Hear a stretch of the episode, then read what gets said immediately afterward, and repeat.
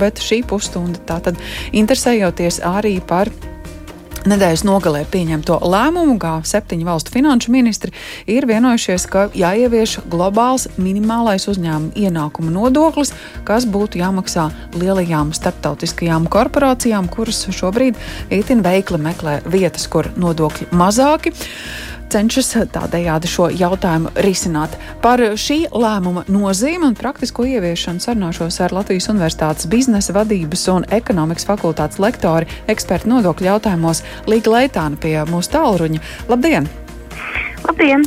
Sāksim no sākuma par to pašu lēmuma nepieciešamību. Kādēļ tas vispār ir bijis aktuāls tieši šobrīd? Nu, šobrīd jāsaka, ka šīs globālās kompānijas, protams, apiet ļoti veikli um, nacionālu nacionālo valstu uh, nodokļu regulējumu, un uz tā pamata, protams, ir radies šī te, šis nepieciešamības lēmums uh, risināt šo jautājumu globālākā veidā. Uh, tomēr nu, es esmu ļoti optimistisks uzreiz to, uz to neskatītos, un tas būtu saistāms ar to, ka galējais lēmums tomēr pieņemts uh, tiks tikai jūlijā. Protams, tas uh, ir apsveicami, ka konceptuāls lēmums ir uh, panākts, bet no esošās informācijas ir um, visai grūti izdarīt secinājumu par to, kāds būs šis praktiskais ieviešanas mehānisms. Līdz ar to, kā mēs vienmēr sakām, vēlams slēpjas detaļās. Mm -hmm. Un lūk, tieši šīs detaļas būs svarīgas, vai patiešām šīs lielās kompānijas uh, varēs vai nevarēs izvairīties arī no šī lēmuma, uh, no šī nodokļu maksāšanas. Kaut gan, protams, uh, arī Latvija, protams, būtu ieguvēja no tā, ja šī globālā kompānija, kurā Latvijā faktiski sniedz savus pakalpojumus, bet nemaksā nodokļus, ka mēs tomēr arī budžetā kaut ko saņemtu.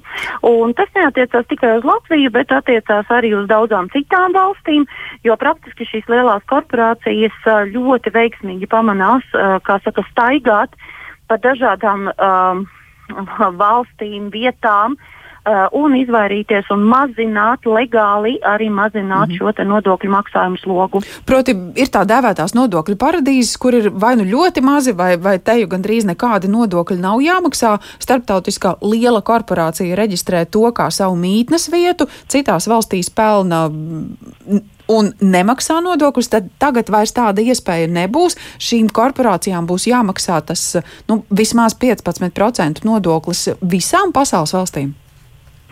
Nu, sanāk tā, ka tā tad pēc tam sadalīs šo nodokļu summu atbilstoši tam, cik kurā valstī būs sniegti pakalpojumi un veikta šī darbība.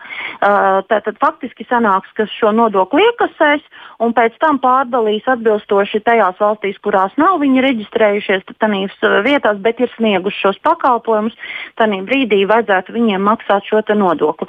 Kā tas praktiski īstenosies? Tātad ar kādu regulāciju. Nu, tas ir tas jautājums, uz ko es šobrīd nevarēšu atbildēt. Un, kā saprotams, arī šos lēmējus īsti varbūt arī, nu, arī, arī viņi jums nevarētu īsti atbildēt, jo, jo tās tiešām ir ļoti specifiskas tehniskas detaļas, kādā veidā tas vispār varētu viss notikties. Man ir lielas bažas, ka tas tomēr uh, varētu neīstenoties tik ātri, mm -hmm. uh, jo tīri tādā administratīvā formātā tā nu, zinot uh, um, ātrumu, ar kādu bieži vien gan Eiropā, gan pasaulē tādas uh, nu, nepārāk izdevīgas lietas tiek pieņemtas, nu, nodoms labs, bet bieži vien izpildījums nu, ir uh, iepauzē vai arī ir diezgan lēns, kā rezultātā. Mm, nu, šīs kompānijas iespējams izdarīs visu ar iespējamo, lai, protams, tas, lai viņas skartu tas pēc iespējams uh, tālākā nākotnē. Nu jā, vai arī maigākā veidā. Juristi gal galā noteikti ir, ir, ir diezgan spēcīgi šīm valstīm, uh, šīm lielajām korporācijām, bet atgriežoties pie tā regulējuma, nu, nodokļu lietas jau nu tomēr līdz šim ir bijušas tādas katras pašas valsts noteikšana. Te ir septiņas valstis, kurām klāt būtu jāpievieno vēl ļoti liela piekrišana, piemēram, no Ķīnas. Tādu vispār varētu iegūt? Uh, šajos uh, politiskajos apstākļos baidos, ka diez vai. uh, jo tomēr uh, šie asumi, ekonomiskie asumi, kas šobrīd pastāv starp Ameriku un Ķīnu, ir visai nopietni. Un diez vai šāda vienošanās tā tad varētu būt, ja ir panākts starp šīm septiņām valstīm, tad, protams, tas vēl nenozīmē, ka ir panākta vienošanās starp visām pasaules valstīm. Un, un, nu, simboliski, protams, tas ir ļoti nozīmīgi, bet tas absolūti nenozīmē, ka visas pārējās valstis faktiski tam visam pievienosies. Nu jā, jo līdz šim arī Amerikas Savienotās valstis nebija gatavas rauties uz ko tādu vispār sarunāties. Šobrīd tur vara ir mainījusies, arī nostāja par to ir mainījusies. Vai ar šo risinājumu patiesībā iegūs arī tie, nu, kuriem visvairāk būtu nepieciešams šāds finanšu atbalsts. Skaidrs, ka lielās valsts ir vienojušās, zinām, ka Eiropas Savienībā ir precedenti, kur ar tiesas lēmumu šīm korporācijām ir spriests maksāt nodokļus, bet uh, ir valstis, kur tā ekonomiskā situācija ir krietni vien sliktāka, kur arī šīs korporācijas darbojas, kurām tas uh, finanšu atbalsts būtu vēl vairāk nepieciešams kā attīstītajām valstīm. Uh, Vai iegūs visas valstis? Šobrīd man tādas pārliecības, godīgi teikšu, nav. Mm. Jo, kā jau es teicu, šīs uh, tehniskās nianses, kā tas ir paredzēts īstenot, vēl šobrīd nav, nav zināmas. Mm. Mums šī informācija ir vēl ir nepietiekoša. Mm, tā rezultātā e, es būšu piesardzīgi optimistiska. Es cerēšu, ka tam būs uh, reāls piepildījums un arī tām valstīm, kurām patiešām tas būtu vajadzīgs. Bet lūdzu neaizmirsīsim to, ka šīs lielās korporācijas ir ar ļoti lielu ietekmi uz valstu vadībām.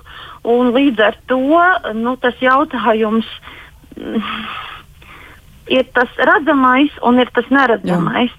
Un šī neredzamā vienošanās, kas aiz tā ir stāv, jo tomēr parakstīt arī no Amerikas Savienotām valstīm šādu akceptu pateikt, ka jā, uh, tas tomēr nozīmē, ka ir kaut kāda arī vienošanās bijusi arī ar šīm lielajām korporācijām. Jā. Tā kā līdz ar to. Uh, Es šobrīd teiktu tā, ka ir nepieciešams mazliet nogaidīt un paskatīties, kāds būs gala lēmums arī tajā jūlijā, kad būs tiešām sagaidāms šis gala lēmums. Mm. Un tikai tad mēs varēsim tā, tā skaidri pateikt. Un tāpat laikā, tad, kad mēs sakam, ka mēs vēlamies ar šīm offshoriem cīnīties, un ja mēs realitātē pasaulē gribētu cīnīties, tad uh, to varēja izdarīt jau sen. Un to varēja izdarīt lielās valstis, kuru paspārnē arī ir un kuras pašas uh, izmanto šīs offshore uh, zonas diezgan intensīvi un, un, un aktīvi. Tā ka līdz ar to uh, viens ir nu, tāds, tāds postulāts, kad mēs sakam, jā, mēs to gribam, bet otrs ir tā reālā darbība, cik nu, viņa patiesībā ir nu, tāda tiešām piepildīta. Un, um, nu, kaut vai paskatāmies tie paši Panamas dokumenti, kas publiskojās un kas atklāja gaužām nepatīkamu ainu. Uh, vai tāpēc, uh, vai tāpēc virkne teritoriju mm, nu, tika uh, tiešām darīt visu iespējamās, lai viņās nebūtu šīs kompānijas. Nu, mm. Nē, taču. Ja? Tā kā līdz ar to, nu, tā, protams, ir arī ekonomiskā un, protams, noteikti arī politiskā spēle, kas šajā visā noteikti ir klātesama. Paldies par šo komentāru. Liga Leitāna, Latvijas Universitātes biznesa vadības un ekonomikas fakultātes lektora eksperta nodokļu jautājumos runājām par nedēļas nogalē panāktu pirmo lielu soli, kuram vajadzētu sekot arī pārējiem, lai globālās korporācijas, nu, pirmkārt jau lielie tehnoloģiju milži piekristu un turpmāk ienākumu nodokli maksātu ne tikai tur, kur var reģistrēties, kā nodokļu paradīzē, kur likmes ir ļoti mazas, bet atbilstīgi savai darbībai arī citās pasaules valstīs.